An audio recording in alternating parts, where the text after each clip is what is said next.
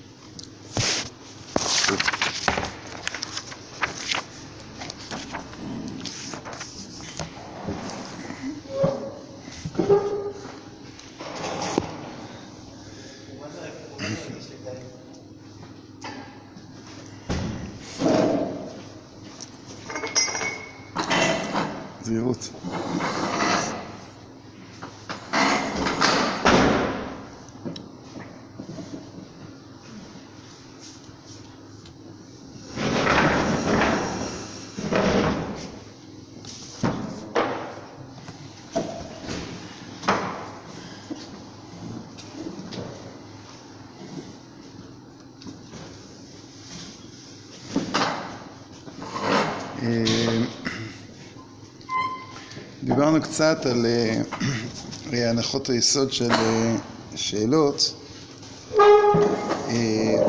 דיברנו על זה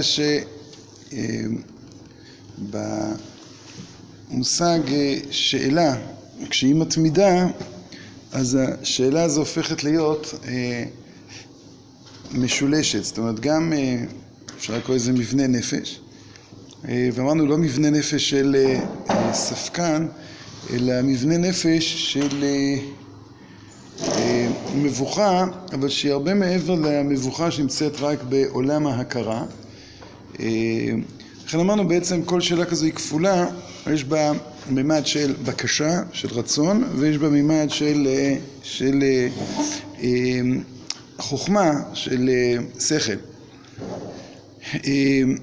כשאנחנו מסתכלים מי השואלים, כן, אז שאול שאלו אותי על מה שיש איתי מן הטענות והתשובות על החולקים עלינו, כן, אז זאת אומרת השואלים נמצאים, אפשר לקרוא לזה במחנה של רבי יהודה הלוי. וזה לא איזה מין ויכוח כנגד נוצרים או ויכוח כנגד מוסלמים או פילוסופים.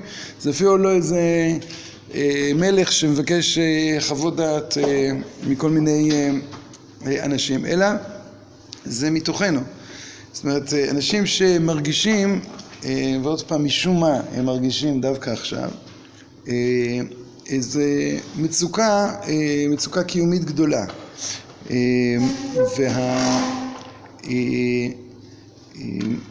ואפשר לראות את הדבר הזה בשני אופנים, זאת אומרת, אפשר לראות את זה באופן הגלוי, מצב של שבר גדול, של משבר גדול, של נמיכות מאוד גדולה. ואפשר לראות את זה כתנועה פנימית יותר, כלומר אם אנחנו מנתחים את התקופה הזו של רבי יהודה הלוי אפשר לראות את ה... כן, הוא חי במה שנקרא תור הזהב בספרד ואפשר לראות דווקא את תור הזהב כביטוי הכי גדול לגלות, למשבר של גלות. כלומר, לגלות יש כמה מאפיינים, אנחנו רואים מאפיין אחד של גלות את זה שאנחנו לא עצמאיים, כן, גם מלכות יוון הרשעה שהייתה בארץ ישראל וגם פרס שהייתה בארץ ישראל נחשבת גלות, למרות שאנחנו בארץ ישראל. כלומר, זה שאנחנו לא עצמאיים, זה שאנחנו לא שולטים, זה כבר גלות. קל וחומר כשאנחנו נמצאים בחוץ לארץ, גם לא בארץ ישראל. גלות בבל למשל.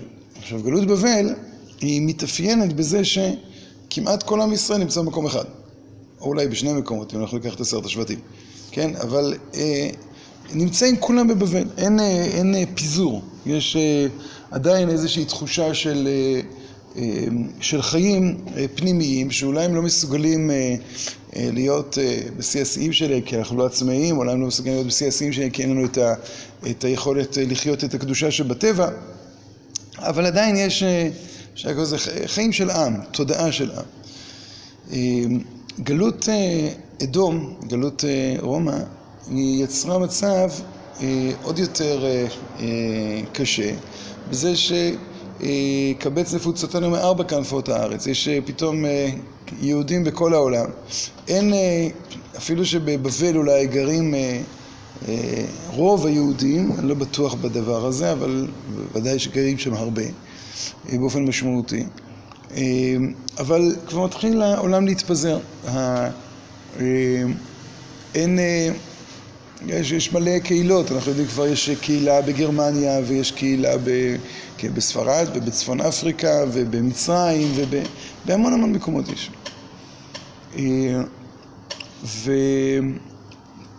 ובערך יש חוקרים שטוענים שבערך אז היידיש התחילה להתפתח.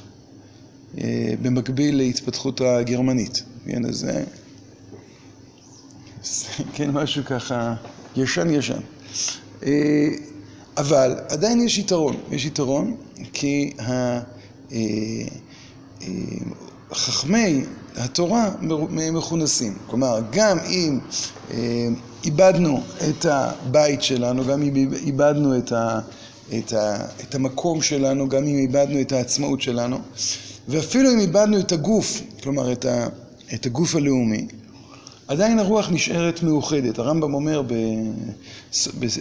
בהקדמה שלו משנה תורה שהגמרא מחייבת את כל בית ישראל כי היא נחתמה במעמד כל חכמי ישראל. כלומר הגמרא זה, אפשר לקרוא לזה השלב כמעט האחרון באיזושהי תודעה, תודעה של אחדות. ש... ברגע שנחתמה הגמרא, אז מתחיל יותר ויותר פיזור, ועדיין יש תקופה שלמה, קצרה מאוד של הסבוראים, אבל יותר ארוכה של הגאונים, שבאים ואומרים, הנה, יש לנו עכשיו איזשהו המשך, אנחנו עוד משמרים את המסורת. הגאונים נחשבו כ... סמכות העליונה לפרשנות התלמוד, כסמכות העליונה לקביעת מנהגים, כסמכות העליונה לתשובות בהלכה.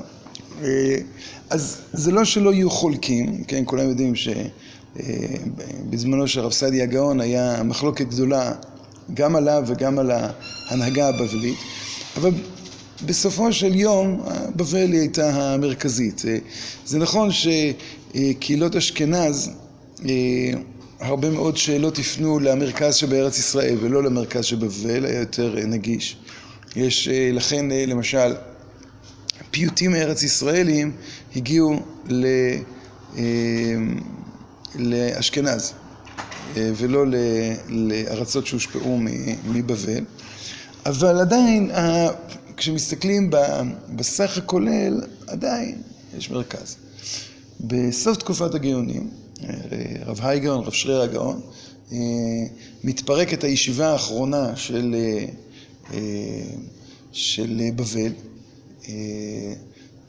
היו שלוש ישיבות שבעצם נשארו שתיים, כשבעצם שתיהן כבר גרו באותה עיר, בפומפדיטה, גם פומפדיטה נחרבת, ומאותו רגע אין לנו אפילו יכולת לחיות, אפשר לקרוא לזה חיי רוח עשירים. הזכרנו את, את הריף, שהריף בא ואומר, עכשיו צריכים ללמוד רק את התורה של ההווה, בלי התורה של העתיד. למרות שתלמיד חכם שהוא עוסק בהלכות קודשים, אז כתוב בגמרא שהוא כאילו מקריב קורבן, ויתק, לא, לא, לא, לא ברמה אישית מן הסתם, אבל, אבל במובן של מה צריכים עכשיו להנחיל לדור, לדורות, בא הריף ואומר, לא רק שאת כל המשא ומתן אנחנו נכנס, אנחנו גם ניקח רק את החלקים שרלוונטיים להיום. ולכן מי שרוצה, זו שיטה שהגאון מווילנה אומר, שמי שרוצה לדעת ככה מבט על מה התורה אומרת, אז בעשר דקות ליום בערך הוא יכול תוך שנה לדעת מה התורה אומרת, עשר דקות ליום זה בערך דף של ריף, משהו כזה, ריף, ריף עם רש"י, עשר דקות, רבע שעה, ושנה וקצת גומרים את כל הש"ס של ה... עם הריף. אז זה, זה אומר, הנה יש פה מצב שהוא בעייתי. פתאום מרכז הכובד של עם, מרכז הכובד של ציבור, מרכז הכובד של, של חיים, אפשר לקרוא לזה שיש לך איזה מין ודאות של חיים, כן, נתלשת. עכשיו, כשאתה נמצא במקום שבו מציקים לך, אז אתה חווה פחות גלות, כיוון שאתה, כן, מחזירים אותך כל הזמן ל... אז אתה מגדירים אותך מבחוץ, מכריחים אותך להיות נאמן להגדרה החיצונית הזו, וזה מה שהיה בעיקר בארצות אשכנז. שם היה באמת, נחשוב על זה שרבי יהודה הלוי חי בתקופת מסעי הצלב, אז באותה תקופה, כן, ש... שבעלי התוספות, כן, שהעיר וורמייזה והעיר שפיירה והעיר מגנצה נחרבת לגמרי ויש סכנת, כן, התנצרות וזה, עכשיו זה שבספרד זה מגיע משהו כמו כמעט 300 שנה אחר כך הסגנון הזה. מה? אז מכריחים אותה להתנצר, 1492 אנחנו מדברים כרגע על 1075, 1080 אז 400 שנה אפילו, כן? אז, אז, אז עומד עכשיו אדם דווקא עם עושר רוחני ושהוא תלוש לגמרי, אין לו, אין לו בית, אין לו, אין לו מקור נביאה ולכן דווקא במצב הזה המצוקה היא הרבה יותר גדולה. כן, עכשיו, המצוקה היא יותר גדולה, מה גם שבאמת אנשים היו, לא כולם, אבל היה, איזה סוג של אליטה מאוד רחבה, של עושר רוחני מאוד גדול, עושר פילוסופי, עושר תרבותי מאוד גדול. כשאנחנו בוחנים את שירי החול של משוררי ספרד הגדולים, אז רואים, רואים חיים, כן, רואים ש... כן, זה מושג כזה כמו שירי יין, שאתה, אתה אומר, אנשים, היה, היה להם תרבות שעות פנאי מאוד, מאוד מעניינת, נגיד ככה.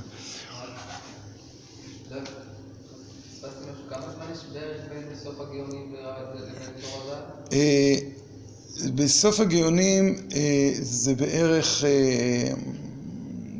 950, בערך 100 שנה אחר כך. זאת אומרת, רבותיו של הריף נחשבים מהדור המעבר בין הגאונים לראשונים. באמת, רבנו חננאל, רבנו חננאל זה דור לפני הריף. אביו של רבנו חננאל עוד היה בישיבות הגאונים, היה תלמיד בישיבות הגאונים. רבנו חננאל נחשב כעדיין מוסר את מורשת הגאונים. הוא לא חי בספרד, הוא חי במרוקו. אני חושב קירואן זה מרוקו, אני חושב. דור אחרי זה הריף, בערך. והוא, רבי יהודה הלוי, תלמיד של הריף. מחלוקת אם הוא בגיל 13 או 23 היה כשהריף נפטר. אבל המסורת אומרת, או אין, כאילו, העדויות אומרות שהוא זה שכתב את המצבה על, על הריף. והוא כותב את שיר, ה... איך נקרא לזה? שיר ההזמנה לריץ גאות, שהיה מחליפו של הריף. רק נמקם, תלמידו של הריץ גאות זה הרב מימון, ורבי משה בן מימון היה ילדון, ילד מאוד צעיר כשהריץ גאות נפטר. רבי יהודה הלוי הוא יותר, הוא כאילו בגיל של סבא של, של זה. עכשיו, רבי יהודה הלוי עצמו באזור גיל חמישים, עוד פעם תלוי במחקרים, שאין לזה תשובה חד משמעית, בין גיל חמישים לשישים הוא החליט שהוא עולה לארץ, ואז, ואז הוא עולה לארץ. עכשיו, הסיפור של הכוזרים היה בתקופת הגאונים, עדיין. בסדר? עכשיו, אז, אז על כל פנים, לכן, לכן נוצר פה, נוצרת פה שאלה, אפשר לקרוא לזה שהיא אה, הרבה מעבר לשאלה פילוסופית, היא הרבה מעבר לשאלה של וכחנות. זה, ועוד פעם, התחושה היא שכרגע מרכז הכובד של האדם זה נמצא בתוכו. אין לו איזשהו הקשר טבעי, בריא, חי, שהוא חי בתוכו. ההקשר שהוא מכיר, כזה הקרוב, התרבותי, זה לא שלו, והקשר החי זה, זה כאילו, אם ניקח ב... אצלנו נראה בית כנסת איזה, כן, יש איזה ביטוי כזה של הגלות קהילה. קהילות זה מהגלות לקחו. כשבארץ היה איזושהי תחושה לאומית לפני המון שנים, אז המושג קהילה היה מושג מאוד, מאוד פסה, לא קיים כל כך.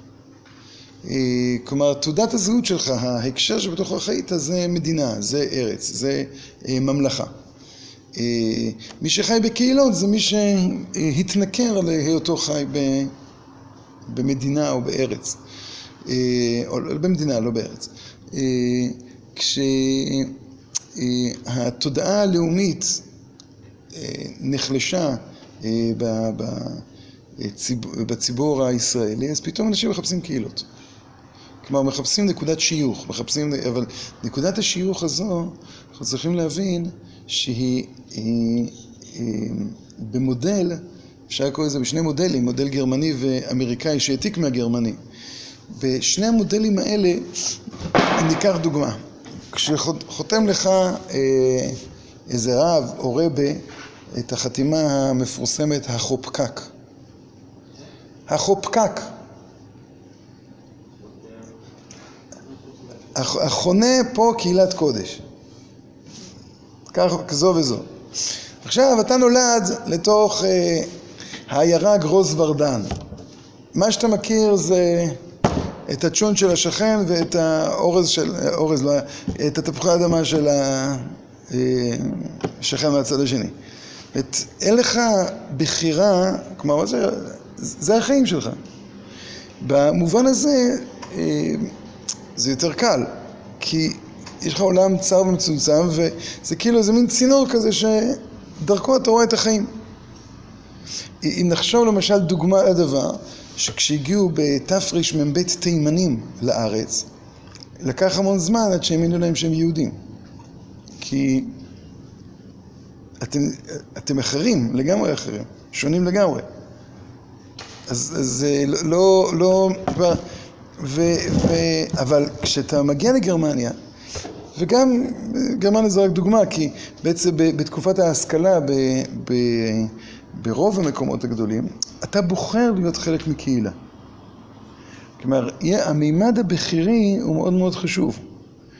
כשאתה נמצא בעיר היום, אז אתה בוחר, בוחר נניח להיות חלק מבית כנסת. וכזה, שני דמי החבר.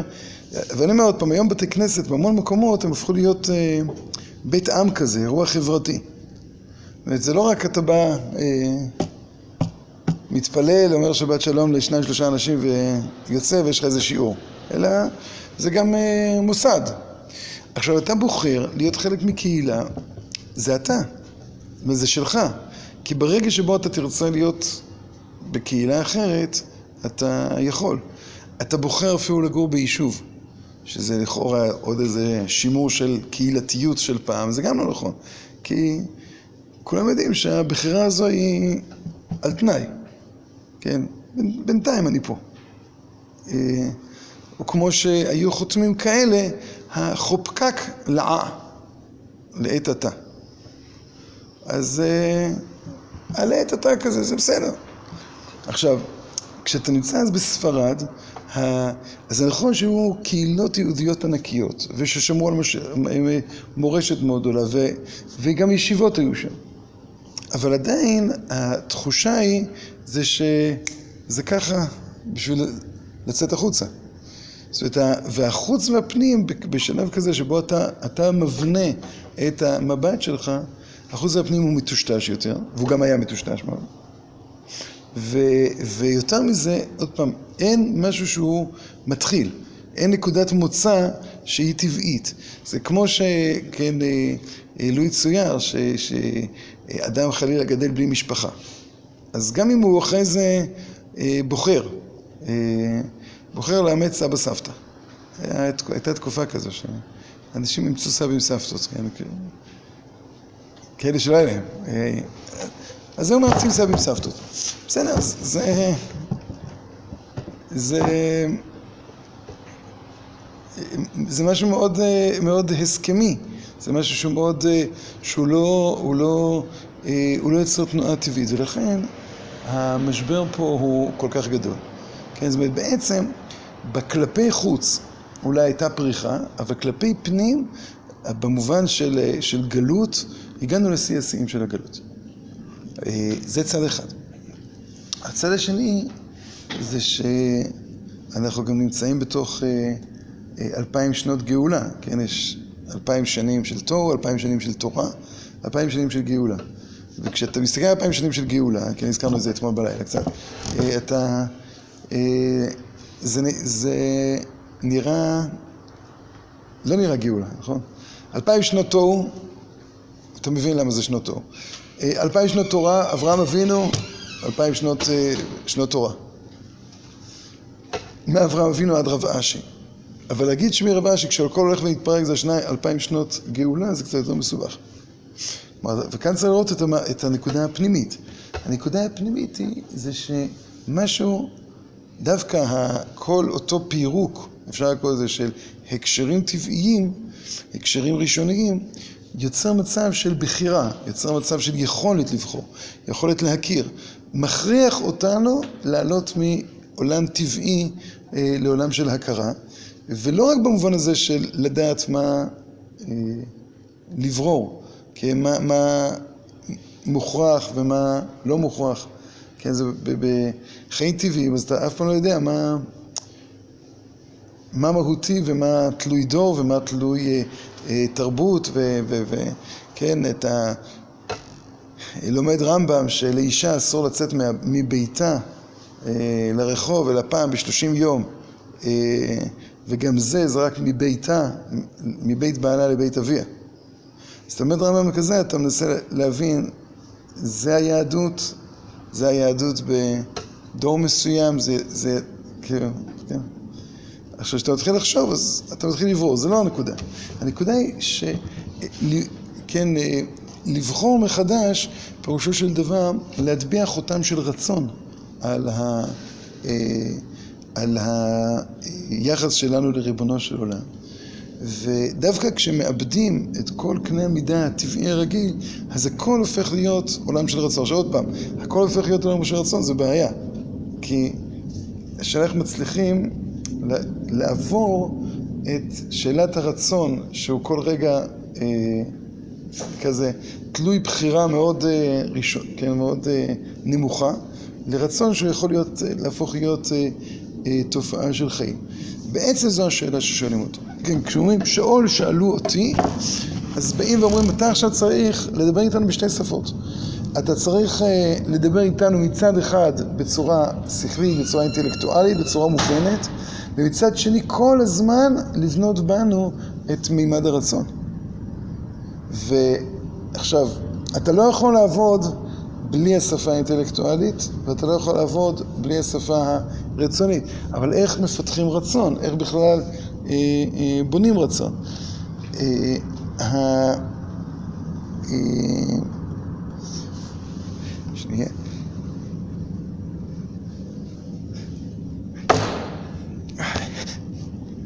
מה יהיה?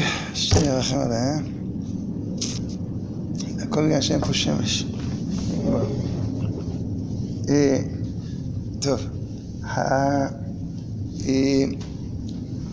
אז נדבר קצת על כבר דברים שדיברנו עליהם המון המון פעמים, אבל פשוט הם יהיו חשובים לנו לדיון בהמשך.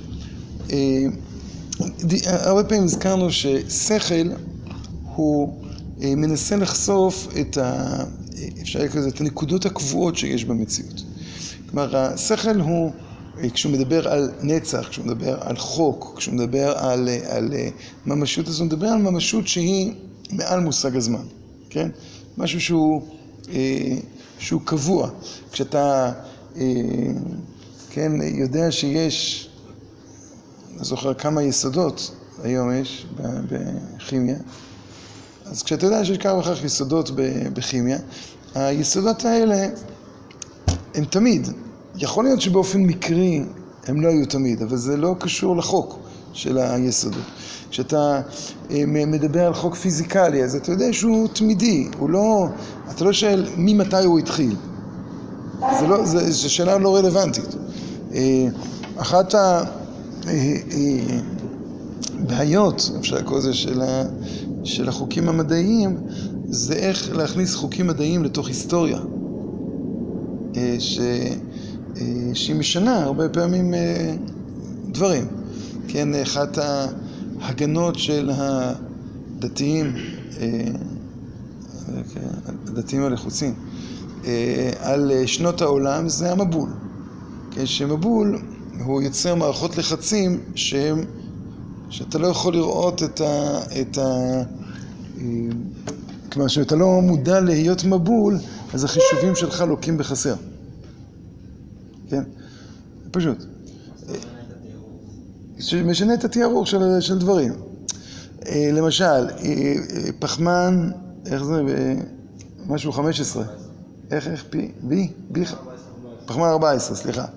זה צורה שבודקים איתה גיל של דברים. אם תיקח עלה של הרדוף בשדרות הרצל, אז פחמן 14, הוא יעיד עליו שיש לו ותק לא קטן, יותר ממשהו. מה? גם תיקח אותו, מה... כן, אז תייבש אותו יומיים ותביא את השעה. זה, כי יש שם מצבור מאוד גדול של, באופן כללי, של פחמנים. אז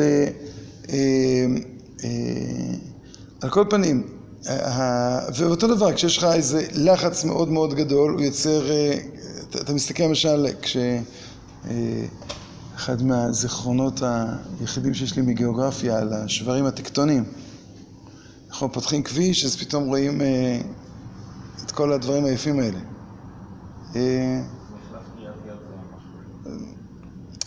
תראו, לא יודעים איזה שבר טקטוני.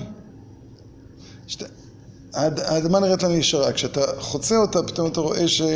שזה כך או כך, נכון?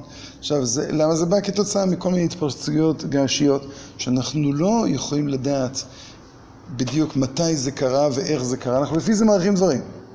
עכשיו, אם יש לך לחץ מאוד מאוד גדול מלמעלה ולחץ מאוד גדול מלמטה, ארובות השמיים נפתחו וגם ה... מהארץ. אז, אז מתואר בתנ"ך, כנראה שגם היו, הייתה כמות מטורפת של התפרצויות געשיות בדיוק אז. זה משנה לך את כל התמונה. אז אתה כבר לא יכול בדיוק להעריך, כן? ואתה אתה יושב פה באזור שלנו ואתה מסתכל, כן, דרום-מזרח לכיוון ים תטיס האגדי, ו...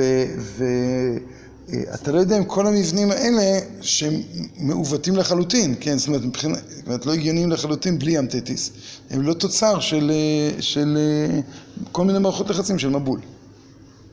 אז עכשיו, החוק המדעי, בגלל שהוא על-זמני ולא לא יכול לדעת בכלל היסטוריה, אז הוא יוצר המון חוקים. עכשיו, והחוקים האלה, טבעם הם שעומדים למעלה מהזמן. כשמתרגמים את זה למושג של זמן, זה כבר, אפשר לקרוא לזה מדעי עם כוכבית, מדעי בערבון מוגבל. כלומר, אם כל הנתונים הם כמו שאנחנו מכירים היום, אז כך צריך להעריך את זה.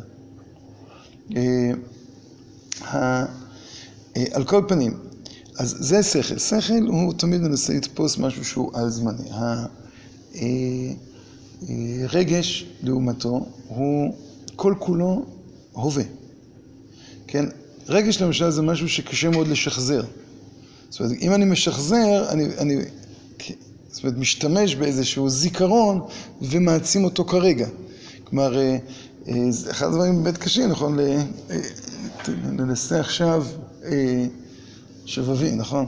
אז ננסה עכשיו להיזכר בתפילת נעילה ולגשת לתפילת ערבית כמו תפילה של מוצאי נעילה. גם אפשר. אז קשה לנו מאוד לשחזר את הדבר הזה. כלומר, אנחנו אולי זוכרים, אנחנו אולי, יש לנו איזה, כן, כל מיני הבלחות כאלה, אבל, אבל זה לא שאנחנו יכולים לחיות את זה כרגע, כי, כי הוא חי עכשיו. מה שמגשר הרבה פעמים בין נקודות עבר להווה זה דמיון. כן, דמיון הוא קצת מתחיל לתקשר עם זמן, אבל התקשורת שלו עם הזמן זה תקשורת שהיא מאוד, כן, מאוד סובייקטיבית, היא מאוד לא נוגעת ב, ב, בממשות, כן? אז, אז עכשיו, כוח הרצון הוא מצד אחד הוא מאוד מאוד מאוד זמני, אבל, זאת אומרת, מאוד נוגע בזמן, אבל הנגיעה שלו בזמן היא נגיעה שהיא תמיד בנויה על היחס שבין ההווה לבין העתיד, כן? זאת אומרת, רצון באופן בסיסי הוא שייך לעתיד, הוא לא שייך להווה. כן, אז הזכרנו את זה המון פעמים, ש... שגם מבחינה לשונית אי אפשר אף פעם לרצות עבר, או אי אפשר לרצות הווה. זאת אומרת, אני לא יכול להיות, להגיד, אני רוצה שהייתי אתמול ב... ב... או אני רוצה עכשיו שאני נמצא ב... אני רוצה להיות, שזה עתיד. כן. בעתיד? לא בדיוק, יש קשר, כשרצון כשרצון מתבטא בעתיד הוא בעצם הופך את זה לתקווה.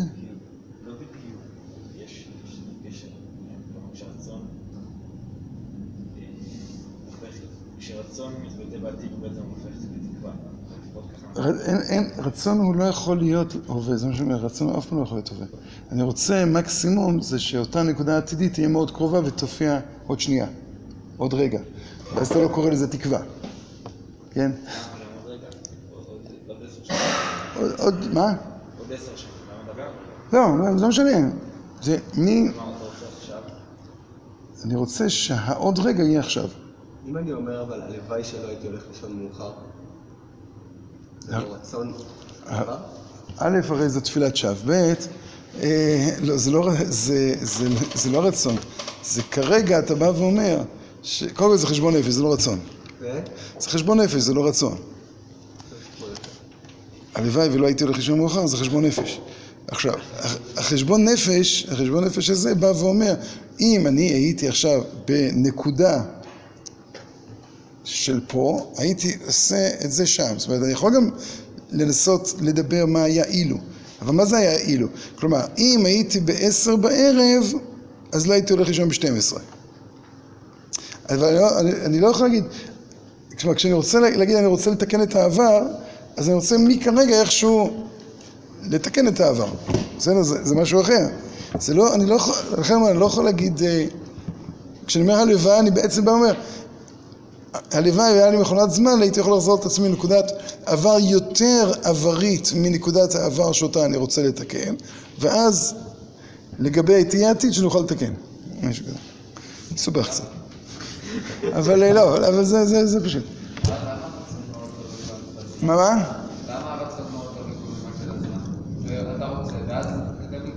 כי הרצון הוא מודע לפער שבין ההווה לבין העתיד. הרצון הוא מאוד מודע לפער. כלומר, אם העתיד כבר נמצא, הוא נמצא, הוא הווה, אז, אז הוא כבר לא, רצ... לא שייך בו רצייה. רצייה, רצון, פירושו של דבר, האחיזה. כלומר, הוא נמצא בש... בשני קנה מידה רצון. הוא נמצא בקנה מידה, כלומר, אני כרגע בנקודת זמן פלונית, והמושא החפץ שלי הוא בנקוד... הוא יצא אל הפועל בנקודת זמן אלמונית. מה שמותח את הקו ביניהם זה הרצון. עכשיו, כשאני רוצה תפוח, כשאני רוצה תפוח, אז, אז זה, זה אומר כך, אני רוצה עכשיו לשדך בין התפוח שעדיין לא פה, לבין נקודת הזמן שבו אני נמצא. אני מלביש את ה... נקרא לזה, את אותו תפוח עתידי ב, ביחס אל ההווה.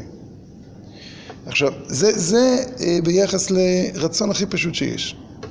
כשאנחנו קצת משכללים את מושג הרצ... העתיד ומושג ההווה, כן, ההווה זה, הווה, נקרא לזה מבחינה הכרתית, זה מה שאנחנו מצליחים כבר ברמה כזו או אחרת להמשיג, כלומר, להפוך את זה למושג. למושג זה לאו דווקא שאני יכול לתת לו הגדרה מילונית, כן, אבל הוא הופך להיות חלק מהעולם שלי. אה, לעומת זה, עתיד זה משהו שהוא לא נכנס לכלל ההכרה, משהו שלא נכנס לכלל היכולת שלי אה, להביע משהו מושגי ביחס לזה. ולכן העתיד, העתיד זה כל מה שנמצא ב... אה, אפשר לקרוא לזה, העבר באופן מהותי זה לא מה שהיה אתמול. זה עבר מבחינת נקודות זמן. העבר באמת, פירושו של דבר, הבכוח שלנו. כן, מה, זה נקודת העבר שלנו. זאת אומרת, שמשם אנחנו כל הזמן שואבים. ההווה זה אותה אה, פינה שבין לבין של הבפועל שלנו. אנחנו יכולים לסכם המון נקודות בפועל שלנו. כן, מרגע שאנחנו מתחילים, הזיכרון שלנו מצליח לעבד מציאות, אז זה כבר הופך להיות הווה. גם אם אני עכשיו אעלה זיכרונות מלפני 40 שנה. וגם אם אני אדבר על זה ש... אה, אני יודע מה, אה, עוד אה, שלושה חודשים, עוד חודשיים וחצי יהיה בין הזמנים. אז זה, זה, זה הווה, הווה שפשוט עוד לא, כן, עוד לא הגיע לזמן, זה כן, כמו הכלל הזה שכל מי שראוי לבילה אין בילה מעכבת בו, נכון? כן, מי ש... מה שנכנס בתוך העולם המושגי זה, זה הווה. את רוב החיים שלנו אנחנו חיים בזמן הווה. כלומר, גם הרצונות שלנו הם רצונות של הווה. הם לא רצונות שהם מצליחים לתפוס, או, או חפצים לתפוס, משהו שהוא, מה שאורי הגדיר קודם כתקווה. מה שאורי רצה להגיד על תקווה, אני חושב שזו הנקודה הזו, שיחס אל עולם שהוא הרבה מעבר ליכולת ההכרה שלנו, זה נקרא, אה, זה, זה כוח הרצון. עכשיו, העתיד הוא... אה,